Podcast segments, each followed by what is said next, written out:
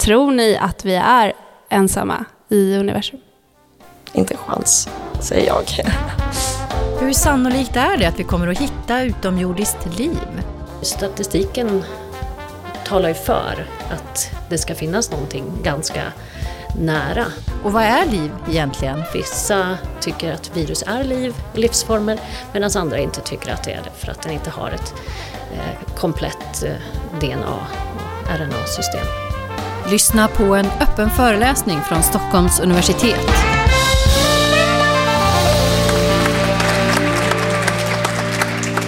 Varmt välkomna till Tranströmer biblioteket och den här kvällen som kommer att handla om jakten på utomjordiskt liv.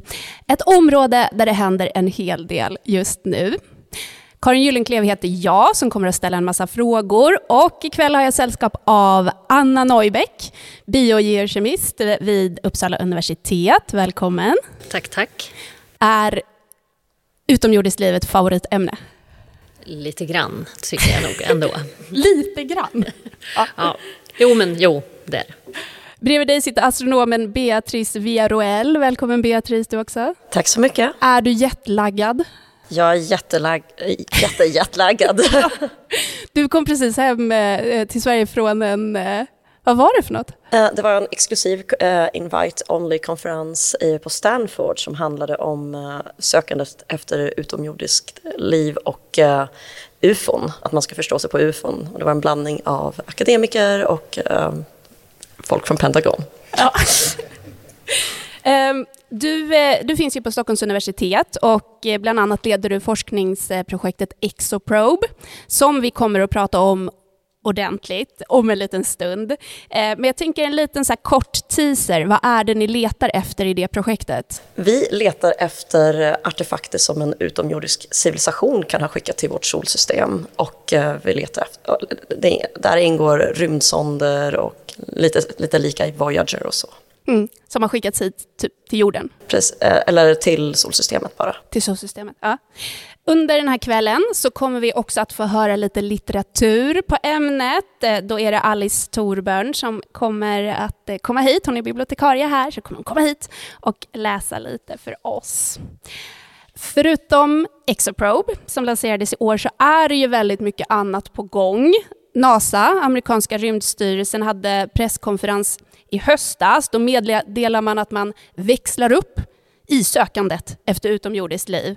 Rymdsonden JUICE eh, skickades iväg i år mot Jupiter och de eh, isiga månarna eh, för att se finns det förutsättningar för liv på ismånarna bland annat. Och på Mars så rullar roboten Perseverance som då letar efter tecken på liv som kan ha existerat på vår grannplanet i en annan tid. Är det så att det händer extra mycket på den här fronten just nu? Eh, eller har det liksom alltid varit eh, hett, Beatrice? Alltså, det, det händer ju väldigt mycket de senaste två åren skulle jag säga. Med, I samband med att eh, Pentagon släppte en så kallad UFO-rapport om att det finns många oförklarliga fenomen som man har sett. Och så blev det väl hett egentligen 2015 när Breakthrough-listan startade upp ett 100 miljoner dollars projekt där man letar efter radiosignaler eh, som man ännu inte har gett något utslag. Mm. Ja, men precis, för det är ju ett sätt att leta efter utomjordiskt liv. Är det då att man, man söker av efter radiosignaler, eller hur funkar det? Man kan leta efter radiosignaler från eh, eh utomjordiska civilisationer, men du kan även leta efter eh, signaler på laserkommunikation. Eller så kan du göra som mitt team har gjort, och det är att leta efter, efter anomalier på himlen. Till exempel försvinnande stjärnor och annat. Ja, det kommer vi återkomma till. Eh, Anna Neubeck, Mm. Biosignaturer är ju också någonting man pratar om i sökandet efter utomjordiskt liv. Vad är det för någonting? Ehm, ja, det är ju, kan man säga, tecken på liv. Antingen, man kan eh, dela upp det kanske i två kategorier. Biosignaturer som är livsformer, som, alltså riktiga livsformer, eller spår av livsformer. Och då eh, letar man ganska mycket, både på jorden då, på, i väldigt gamla mineral och bergarter, efter spår av forntida liv, så fossil helt enkelt. Eller så gör man samma sak ute i rymden då, att man tittar på signaturer som bara livsformer kan eh, producera. Till exempel DNA och sånt. Men det är ju lite svårt att analysera så då tar man andra lite enklare eh, organiska molekyler till exempel kan man leta efter. Du forskar ju på något som eh, är, eller kan vara, en biosignatur. Ja, just det. Nickelisotoper. Nickelisotoper, ja. Mm. Ja, nickel är ju ett eh, element i periodiska systemet som har eh, olika isotoper. Det är samma sammansättning egentligen, eller det är samma element men med olika massa då. Och eh, den här olika massan gör att vissa mikroorganismer gärna bara använder den lättare varianten av den här isotopen. Och Finns det tillräckligt många sådana mikroorganismer som äter den här lättare isotopen så kan det bevaras under flera miljoner år eller flera miljarder år till och med. Och då kan man med dagens instrument som är väldigt noggranna mäta den här lilla skillnaden i massan. Och då kan man eventuellt säga om det har varit en livsform eller inte. Och jag som är geokemist och håller på med geologi, jag tittar ju då efter de första livsformerna på jorden. Och det är ju då ofta analoger till att också söka efter liv i rymden. Mm. Men då pratar man om mikroskop. Är det bara mikroskopiskt liv man skulle kunna eh, upptäcka med den eh, typen av Ja, eh, det är en metod som är under utveckling men man har också sett att även växter och lite mer multicellulära organismer kan använda den lättare isotopen. Då. Men framförallt för min del är det ju encelliga organismer, som mikroorganismer, bakterier och arkeer. Ja, men hur skulle det här, om man, om man tänker sig att man skulle kolla eh, efter nickelisotoper då, mm. eh, som en biosignatur eh, mm. när man undersöker eh, och ser, finns det liv i rymden? Behöver man då ha något typ av, alltså skulle man kunna göra det med en rymdsond eller måste man få hit prover mm. för att analysera? Då måste man eh, ta ett prov, ett fysiskt prov och analysera. Så då man kan till exempel titta på eh, asteroider och meteoriter och, och sånt. Mm. Och analysera själva stenen då. Det var ju två månader sedan som eh, då, då, fick vi ju faktiskt hit till jorden ett prov från asteroiden Bennu. Ja, ja. det var ju fascinerande. Ett svart damm som eh, det tog sju år att ja. liksom, transportera tillbaka det till, till jorden. Ja. Eh, hur sugen är du på att titta på det? Ja, det vore ju fantastiskt roligt förstås. Eh, men det var inte så många gram man fick, eh, fick tag i. Men då vill jag också säga att det finns en annan asteroid som man tittar på i Japan, Ryugu och den har man hunnit analysera lite längre. Och där har man hittat väldigt spännande saker som till exempel urasil som är en kvävebas som används i RNA. Och det är ju otroligt spännande. Att det RNA, finns... det finns ju massor av i våra kroppar. Ja, precis. Och som är en byggsten till eh, informationsbärande molekyler i allt liv.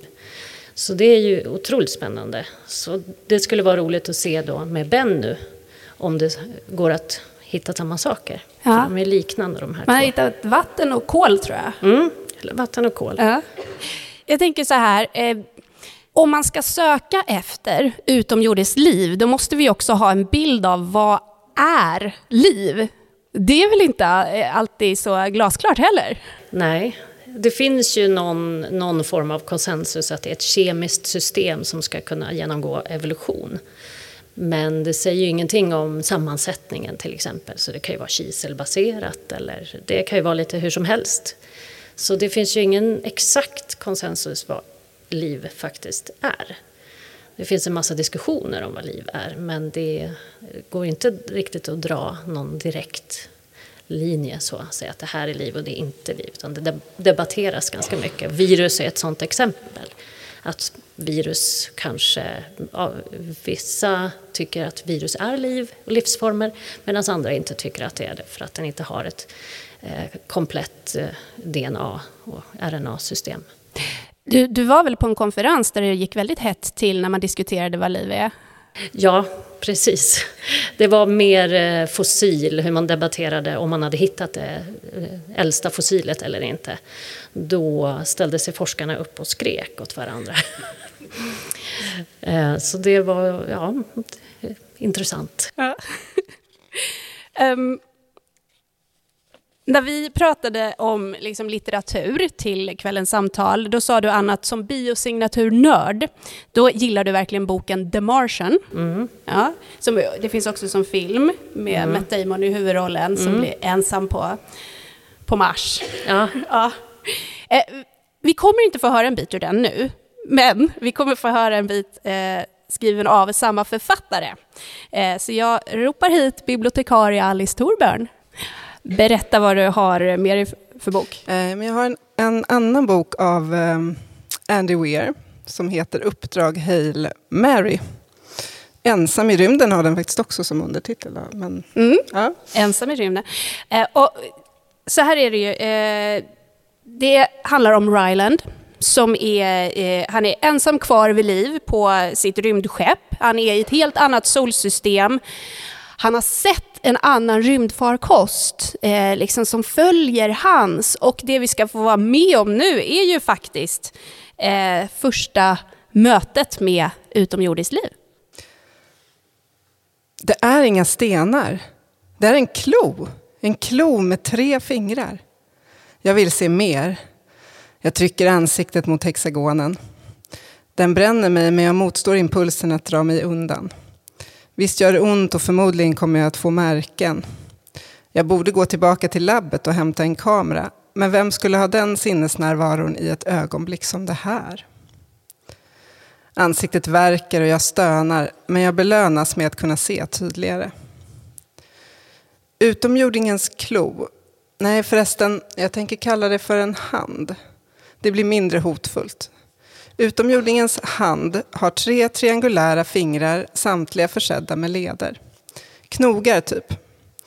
Fingrarna kan nypas ihop till regndroppsform eller öppnas till något som ser ut som en trearmad sjöstjärna. Huden är säregen.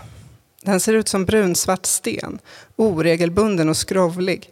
Som om någon mejslat fram handen av granit men inte hunnit polera den ännu. Kan det vara ett naturligt pansar? Som sköldpaddsskal, fast mindre sammanhållet. Där finns en arm också. Jag kan nätt och jämt se den ur den här vinkeln, hur hårt jag än i min enfald trycker ansiktet mot smärtans heta vägg. Men det finns definitivt en arm som leder bort från handen. Fast det måste det väl göra, inte sant? Det är ju inte bara en magiskt svävande hand. Nu klarar jag inte smärtan längre. Jag drar bort huvudet och känner på ansiktet. Det ömmar en hel del men jag hittar inga blåsor. Knack, knack, knack. Utomjordingen knackar på den genomskinliga hexagonen med fingret. Så jag knäpper tre gånger på den med mitt. Den knackar på hexagonen igen, tre gånger. Så jag knackar också igen. Sedan följer något kusligt. Klon, handen, dras bort och återkommer med ett föremål och håller det mot den genomskinliga hexagonen. Vad det än är, är det litet. Tack Alice. Eh, det här är ju ett bra tips, eh, tycker jag. Det är väldigt så vältänkt kring hur utomjordiskt liv skulle kunna vara och hur vi skulle kunna kommunicera om vi eh, träffar på. Jag tänker så här, Anna Ryland, han, är, han har ju liksom blivit utskrattad av forskarsamhället för att han skrev en forskningsartikel där han liksom hävdade att eh, vatten inte är livsviktigt för att livsformer ska kunna utvecklas. Eh, vad säger du om det? Skulle du skrattat åt honom?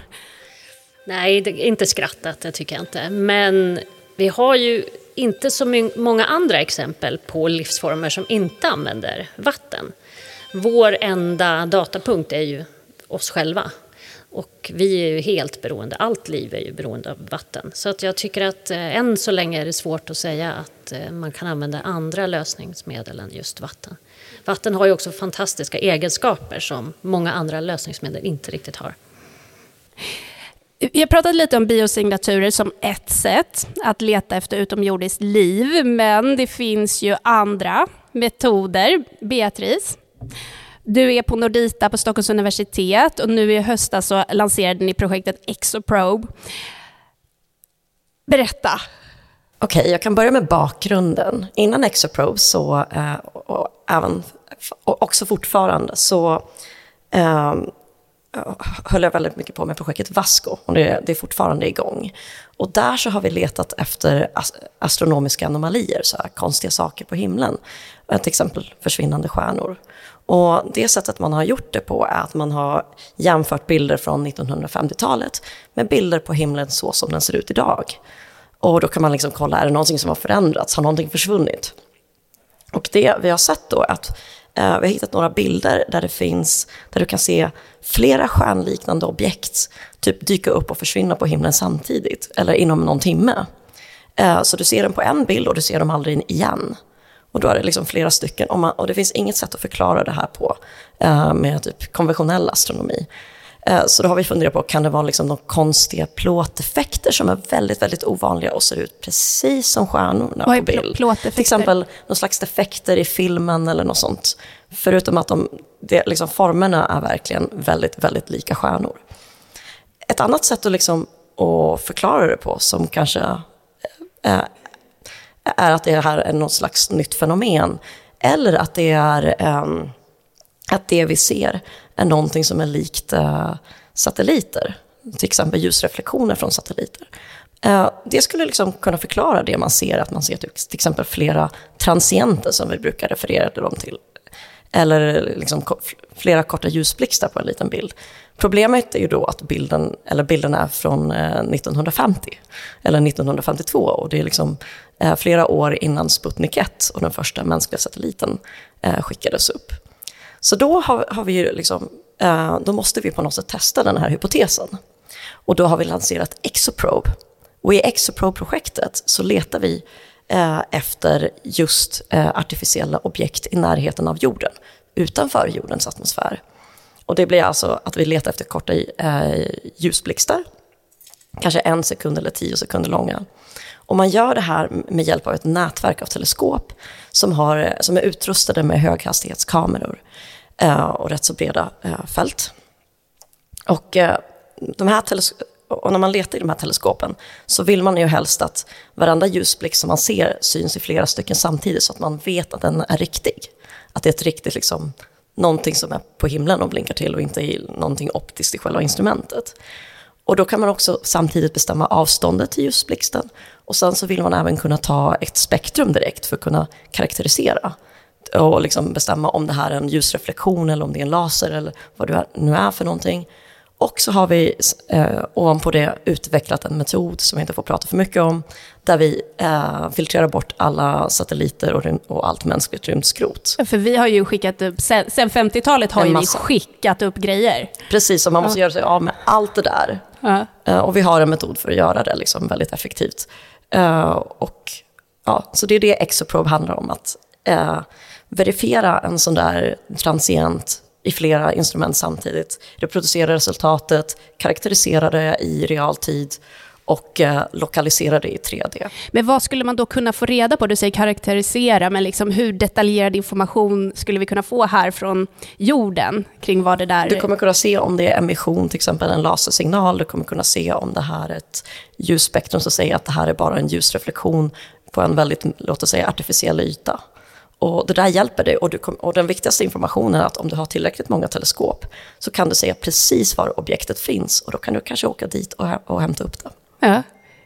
Eh, hur långt har ni kommit i det här projektet nu? Eh, vi hoppas att få in vårt första teleskop snart.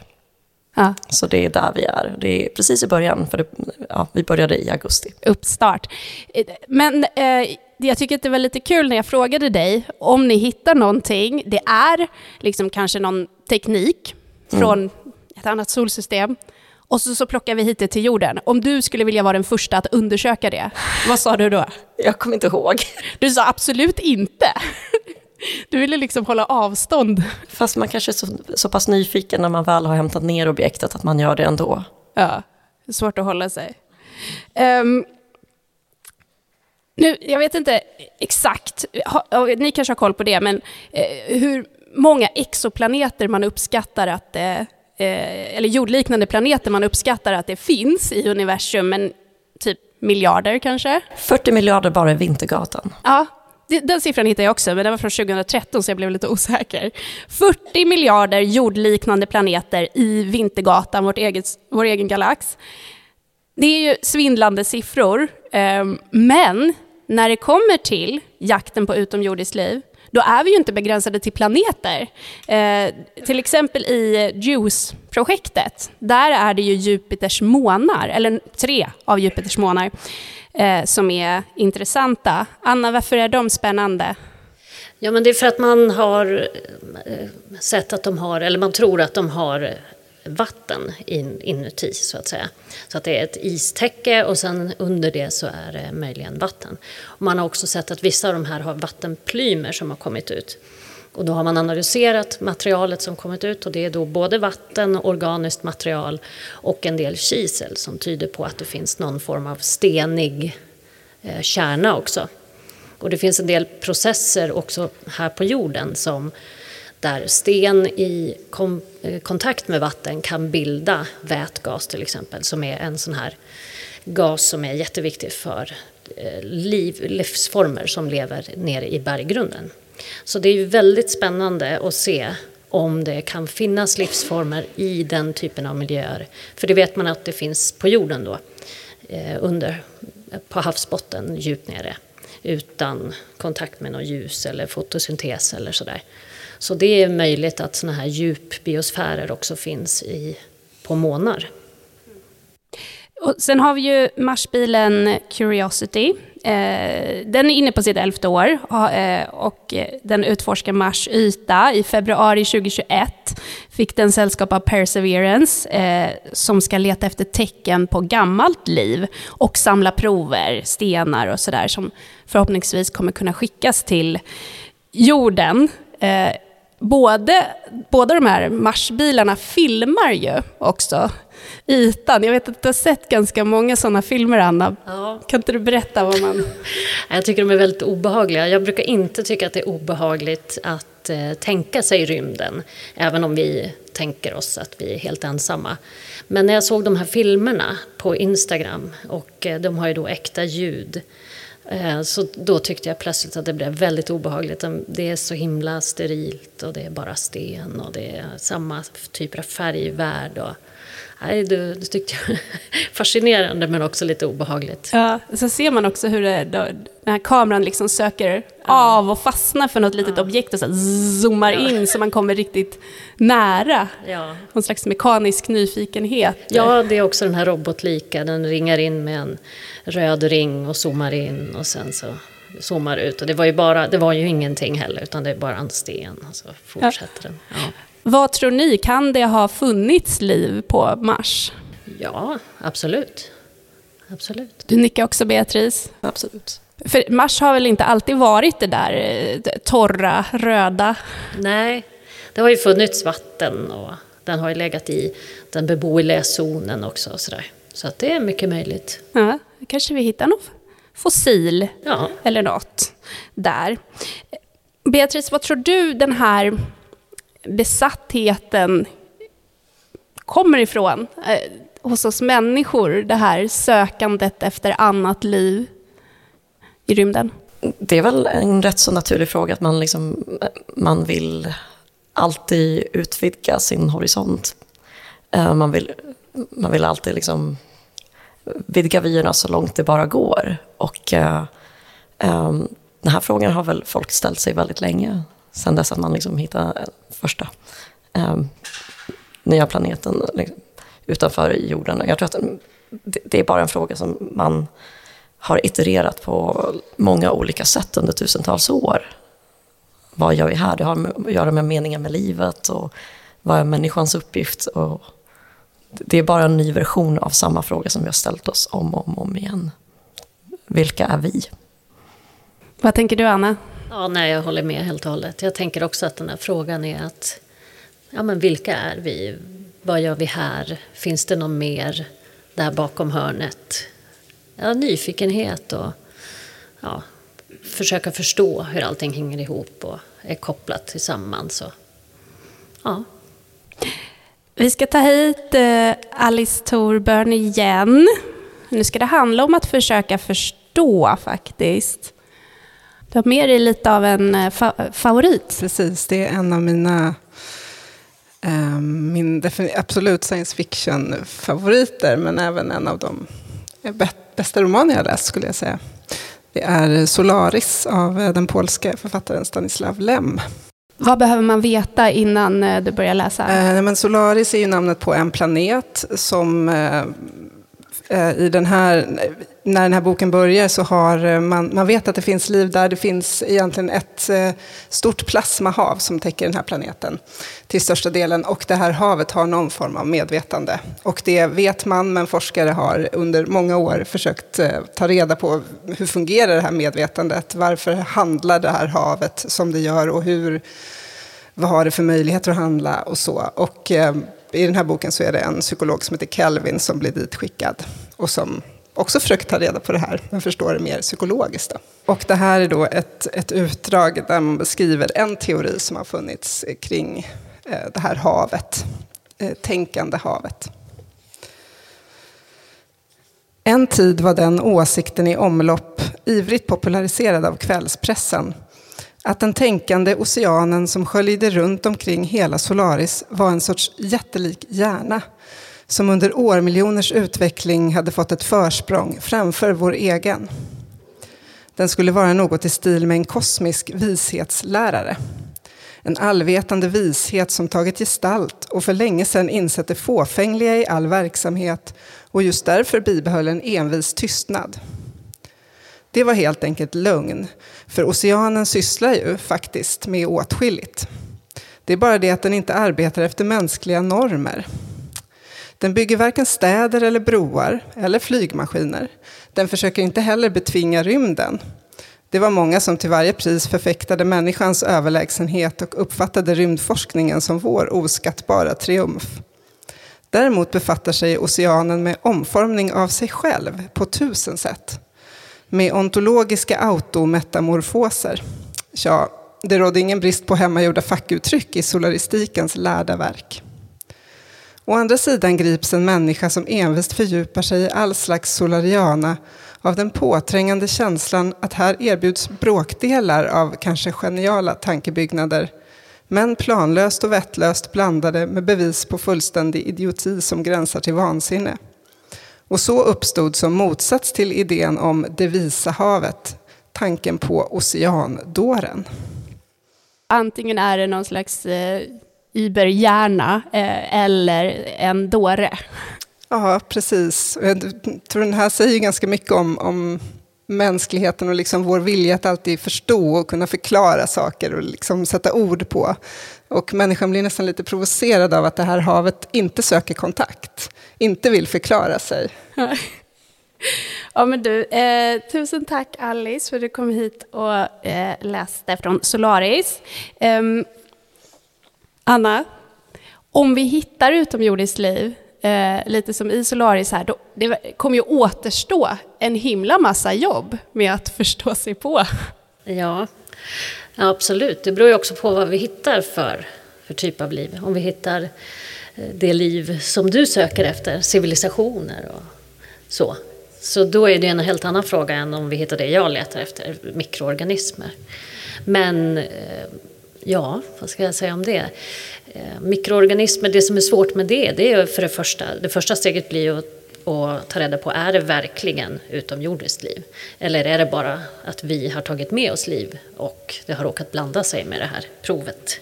Och jag tror att det, det steget är ganska så stort, eh, att försöka ja, verkligen verifiera att vi har hittat något annat liv. För det ska jag säga också att eh, encelligt liv som jag letar efter är ju eh, vi har bara identifierat en procent av det encelliga livet här på jorden. Så det kommer ju bli en utmaning att identifiera kanske några få till, fast någon helt annanstans. Så det tror jag väl kanske är den första utmaningen. Är det utomjordiskt liv eller är det bara oupptäckt eh, jordiskt liv? Ja, Och hur, hur skiljer man det ja. åt? Ja, om det har en annan DNA-form, då kanske vi eventuellt kan identifiera det. Men eh, det blir också svårt eftersom vi, alla våra instrument är liksom byggda för vårt DNA. Så det blir helt enkelt ganska så svårt, tror jag. Mm. Beatrice, om man skulle hitta eh, något som man tänker, no, no, tänker är en utomjordisk sond, hur skulle man kunna avgöra om det är något som en människa skickat dit upp utan att ha sagt till någon, eller om det faktiskt är nu från en utomjordisk civilisation? Du kan ju kolla hur gammal den är till exempel. Du kan försöka ehm, bestämma dess ålder och om den har legat där i tusen år så vet du att det inte är vi som har skickat den. Det är ett sätt att göra det på. Och du kanske också kan undersöka själva materialet, om materialet är någonting som människor producerar eller inte. Och dessutom så kanske den har någon slags, är utrustad med någon slags teknik som inte vi alls känner igen. Och du kan ju se hur den rör sig, eh, om den följer de typiska Eh, satelliternas omloppsbanor eller om den har någon, något helt annat sätt att bete sig. Det finns många sätt man kan undersöka det på. Ja. Eh, jag läste eh, astronomen Jesper Solman, eh, som också är på Stockholms universitet. Han skrev i eh, Forskning och framsteg ganska nyligen. Han var upprörd över att TV4 gör en serie om eh, ufon och han tyckte att det finns ju massor med fantastisk rymdforskning idag som man kanske istället ska fokusera på. Eh, bland annat skrev han så här. Vårt robotteleskop i Kalifornien trålar nu varje natt genom stjärnhimlen efter supernover och jag har säkert hittat 10 000 nya redan. Aldrig skyms sikten av förbipasserande flygande tefat och ufo-debatten står fortfarande kvar och stampar utan tillstymmelse till övertygande bevis. Medan James Webb-teleskopet levererar knivskarpa bilder av universums tidiga historia är ufo-bilderna fortfarande lika suddiga. Eh, vad tänker du Beatrice, Lägg det, läggs det liksom för mycket tid och tanke och resurser på att leta efter utomjordiskt liv? Jo, det här robotteleskopet i Kalifornien samlar in 5 terabyte bilddata varje natt. Det är ingen som sitter och kollar igenom de där bilderna. Utan när man har sån här robotteleskop så vet man precis vad man letar efter och man brukar liksom slänga bort eller filtrera bort allt sånt där som är ointressant, till exempel flygplan. Så jag vet inte ens hur de, även om det skulle vara flera ufon varje natt som flög förbi så tror jag inte att de skulle se någonting för att man helt enkelt inte kollar på bilderna. Det är min första tanke. Och, så, och min andra tanke är att eh, ja, det finns inte några liksom, eh, konkreta bevis på ufon, men NASA och Pentagon eh, visade tidigare i år att man har hittat, ehm, man, man, har faktiskt filmat ehm, eh, metallklot som man inte vet vad det är för någonting. Och menar, om NASA lägger upp det så är det tillräckligt intressant eh, för att man ska kunna studera vidare. Mm. Vad tycker du Anna om, eh, läggs det för mycket tid och tanke på jakten på utomjordiskt liv? Nej, det tycker jag inte. Jag tycker det är jättespännande. Varför inte? Jag tycker man kan lägga massor med tid på, på det. Ja. Och på supernovor och annan ja, rymdforskning. Absolut, absolut. Ja. Och cancerforskning och, viktigt och också. Viktigt ja. också. Jag tänker så här, rymden är ju enorm.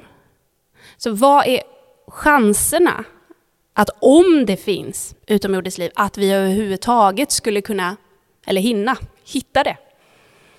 Ja, jag såg någon... Eh, alltså, om man tänker, vi har skickat ut radiosignaler i ungefär 100 år. Det är 100 ljusår bort från här. Och det är inte så långt om man tänker att Vintergatan är 150 000 ljusår bred. Och det är 2,5 miljon ljusår till Andromeda-galaxen. Så vi har kommit en pytte, pytteliten bit bara i vårt sökande. Men å andra sidan så är ju statistiken talar ju för att det ska finnas någonting ganska nära med tanke på ja, men man har hittat massa solsystem, Gliese och, eh, och andra ställen där det har funnits, eller där det finns då planeter som eventuellt kan ha liv. Så ja, jag tror att det kan vara möjligt i alla fall. Vad säger du Beatrice? Ehm, jag tror att chanserna står i direkt proportion till hur mycket finansiering den typen av forskning får. Och just nu så finns det ingen finansiering i hela Europa till sökandet efter utomjordiskt liv som kommer från en, låt oss säga, eh, som är statsfinansierat. Det är ju inte liksom en bra startpunkt. Vad tror ni själva? Tror ni att vi är ensamma i universum? Inte en chans, säger jag. Jag är ofta skeptiker, men ja, nej, men det, det är sannolikt att det finns någon form av livsform, det ska jag säga. Trots att vi diskuterade precis innan. Ja, men jag tror, ja, jo men kanske, kanske. Vad tror ni skulle hända hos människor? Vi har ju pratat lite om vad vi tror ska hända på forskningsfronten, hur man går vidare. Men vad tror ni skulle hända liksom, hos människan ifall vi fick veta att vi inte var själva? Oh ja, det är en jätteintressant och svår fråga. Om det är civilisationer så tror jag vi skulle vara rädda. Vi vet ju vad civilisationer brukar göra med nya civilisationer så att säga. Så jag tror vi skulle bli rädda och eh, få någon form av panik men samtidigt också vara väldigt nyfikna förstås. Vad är det för typ av civilisation vi har hittat? Och är de, kommer de komma hit? Vad ska vi då göra? Hur ska vi kommunicera? Eh, jag tror en sån upptäckt skulle ha ett nyhetsvärde i cirka en vecka och sen så skulle vi normalisera det. Och sen skulle det bara bli liksom som vilka fakta som helst. Det är som när man upptäckte den första exoplaneten, så liksom 95 så var det en sån jättestor grej och efter några veckor så visste ju alla, men det är klart att det finns en massa exoplaneter. Jag tror att det, blir samma sak här, ja men det är klart att det finns en massa liv. Men det kan bli annorlunda om man hittar liv, det här utomjordiska livet allt för nära jorden. Då ja. kan det bli läskigt. Ja, då kan det bli läskigt. Eh, jag tänkte avslutningsvis, eh, vad är ni mest eh, nyfikna på som händer på den här forskningsfronten just nu? Um, ja, jag är väl mest nyfiken på ja, men JUICE. Eh, jag är väl nyfiken på vad som händer i vårt solsystem. Vad hittar vi där? Och, ja, och alla de här asteroiderna som man analyserar är jag också väldigt, väldigt nyfiken på faktiskt. Mm. Jag är nyfiken på om det finns några utomjordiska sonder utanför jorden. Ja, stort tack Anna Neubeck och eh, Beatrice Via Roel för att ni kom hit.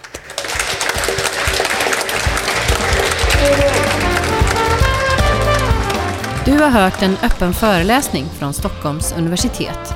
Du hittar fler poddar om forskning och vetenskap på su.se poddar.